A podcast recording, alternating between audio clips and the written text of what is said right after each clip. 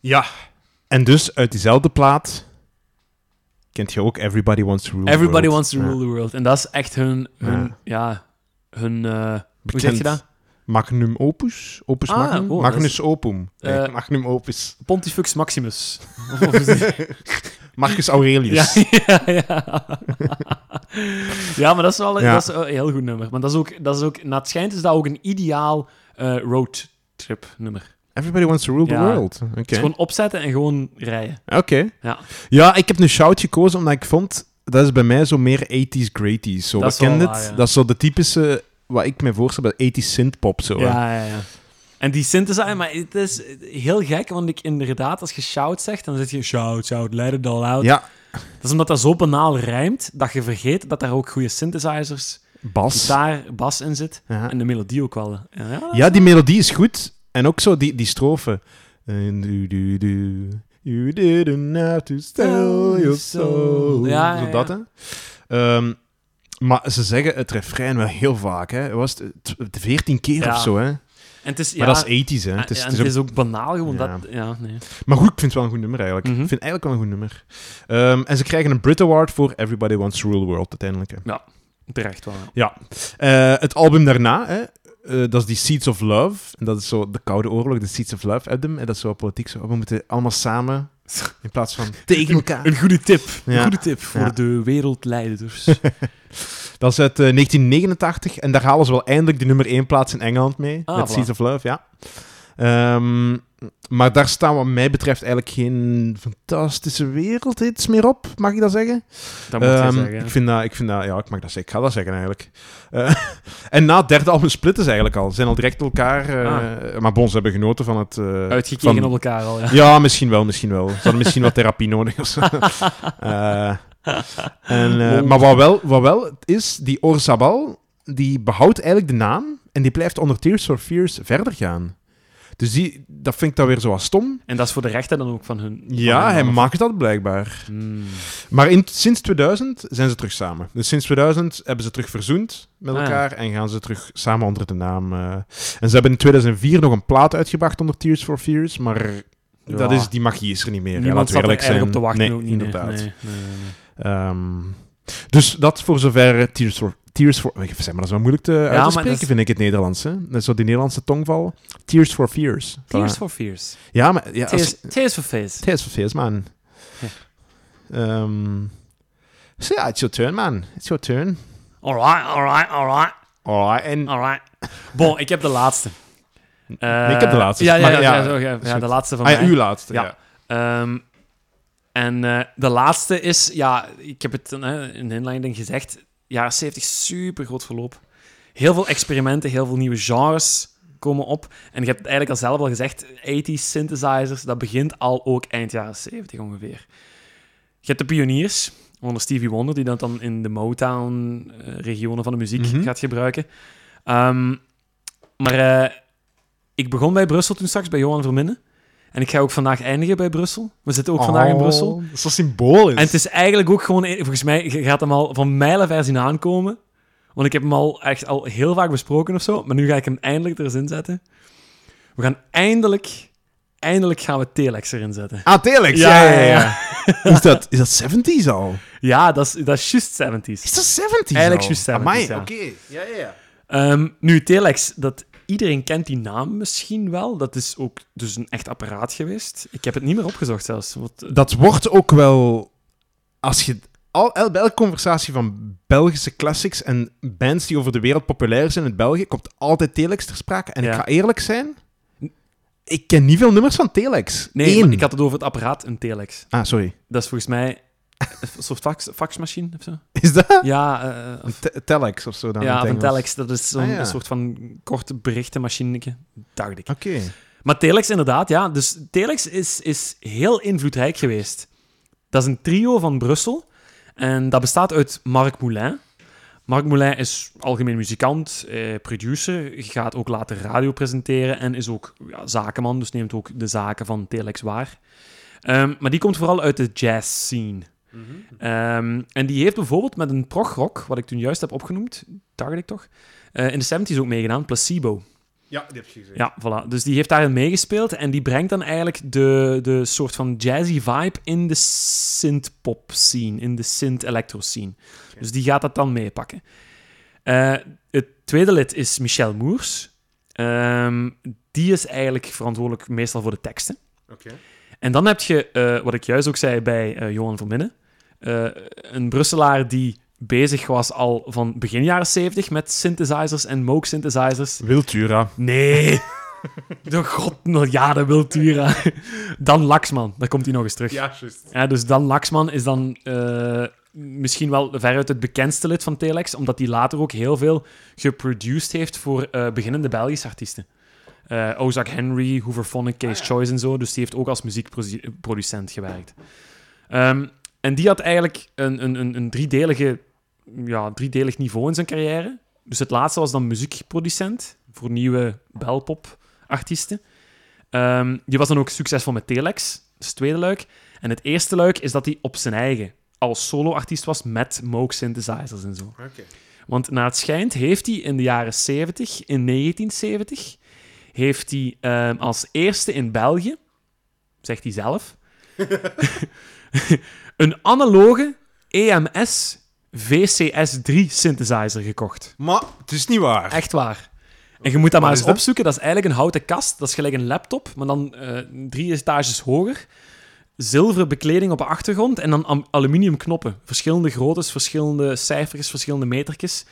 En dat was dan een van de eerste synthesizers. ah ja, die- maar n- de- wij denken nu synthesizer, ongemakkelijk piano, maar dat was niet vroeger, Ah. Nee, nee, hè? nee, nee, dat was Je echt... hebt heel veel van die apparaten en je moest dan de noot kiezen door aan drie verschillende knopjes tegelijkertijd te draaien en dan op een knopje van achter op machine te duwen. En dat schijnt, het vervelende was aan die apparaten, dat als je niet meer wist hoe dat je een bepaalde melodie had gemaakt, want Pink Floyd heeft dat soms ooit eens gezegd, dat die gewoon niet meer wisten van, tju, welke knoppen moesten wij weer waarzetten voor die melodie, en dat die soms gewoon een geniaal idee kwijt waren.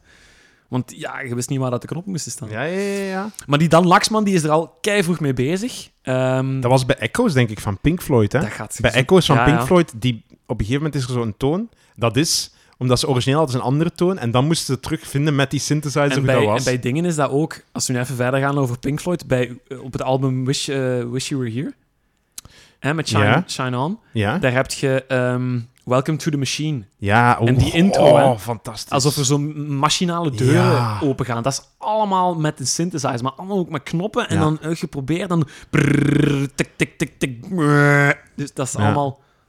Dat was dus een beetje muziek. Ja, ja, nee, mooi. Ja, mooi. Top 10, top 10. Maar dat was dus het, het, het moeilijke en ook het fascinerende aan die tijd. En ehm, Dan Laxman had daar, had daar echt wel een boon voor. Die, die vond dat super interessant. Eh, want die is zelfs ook in diezelfde Brusselse eh, studio Madeleine, waar Johan Verminnen ook is gaan opnemen, is die vanaf 68 eh, gaan werken. Als eh bandopnameoperator. En heeft Ja. daar dan eigenlijk alle kneepjes van het vak geleerd. Dus Ja. daar is hij volledig eh, into the scene gerold. Ehm, ja, en dan op een bepaald moment gaan die gewoon eind jaren 70 Telex oprichten. Waarschijnlijk een beetje naar het voorbeeld van het beroemdere Duitse electro-trio Eh, Kraftwerk? Kraftwerk. Voilà. Ja, ja, ja. Ehm, sowieso, hè. Sowieso. Zo, ah, die waren echt wel he- echt Dat hebben ze in het pioniers. oog, in, het- alleen in het- in het hoofd van achter, hè. Voilà, ze- want die waren al, Kraftwerk was al bezig van 69 en dat eerste succesvolle album Autobaan is al van 74. Dus dat is- Autobaan. Dus dat is toch vier, vijf jaar later dan Telex bijvoorbeeld. Hè? Ehm, maar het grappige aan Telex was, dat, heeft, dat hebben de alle bandleden ook gezegd, van wij deden Telex als een soort van humoristische insteek op de elektromuziek. Wij vonden dat heel interessant, Mhm. maar we hielden daar ook altijd een goede dosis, een goede dosis humor aan over. Ja. Dus En dat was plezant voor hun. Ze maakten dat plezant ook om te luisteren en hoopten dus dat het publiek ook mee was. En dat is niet altijd geweest in die tijd. dat, dat je de muziek kunt combineren met de humor of de... Ja, want eh, de fun. echt, in die tijd hadden die niet zoveel fans. Hè. Er, oh, er waren wel fans, maar die waren vooral in de jaren later gekomen. Omdat nu Telex is zo'n soort van pioniersgroep geweest in belpopgeschiedenis. Dus nu is dat Mhm. populair, maar toen waren niet veel mensen voor Telex te vinden. ja. Ehm, maar desalniettemin, ze gaan van start als een pure electro-covergroep. Dus ze gaan bestaande nummers coveren op hun eigen eigenzinnige electromanier. Ja, dat vind ik wel goed. Eh, Bill Haley, Rock Around the Clock hebben ze zo gecoverd. Ja, is dat? Ehm, Twist à Saint-Tropez. Ken ik niet. Van Le Chat Chauvin. eh, Le Chat, Sauvage. Le Chat Sauvage. Le chat sauvage. Hebben ze ook gecoverd, electro-achtig.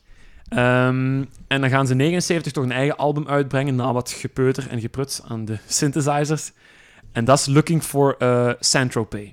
En daar staat hun geweldige nummer op Moskou Disco. Moskou Disco. Dat is goed, zo. jong. Ken je dat? Zit in mijn hoofd, ja, Zit in maar mijn vraag me niet wat de neur in Ja, dat is... Goh, ja. Dat heeft iets... Dat is Moskou Disco, dat, dat klinkt gelijk een trein.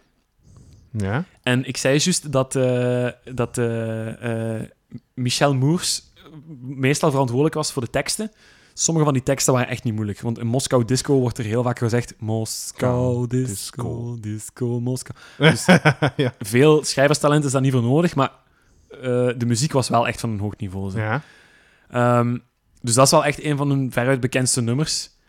Eh, en dan heb ik eigenlijk, volgens mij, als ik me goed herinner, bij ZZ Top de Eurosong geschiedenis. Ja, dat zij, dat zij, zich, dat zij fan waren, hè? Ja, van, ja, ja. Van, eh, van, ja, ja, ja, dat heb je gezegd, ja. Dus dat is eigenlijk ook wel heel bijzonder. Dus dat, dat brengt nog een beetje eh, zo de, de, de, de, de, de, de aaibaarheidsfactor van Telex, brengt dat ten goede.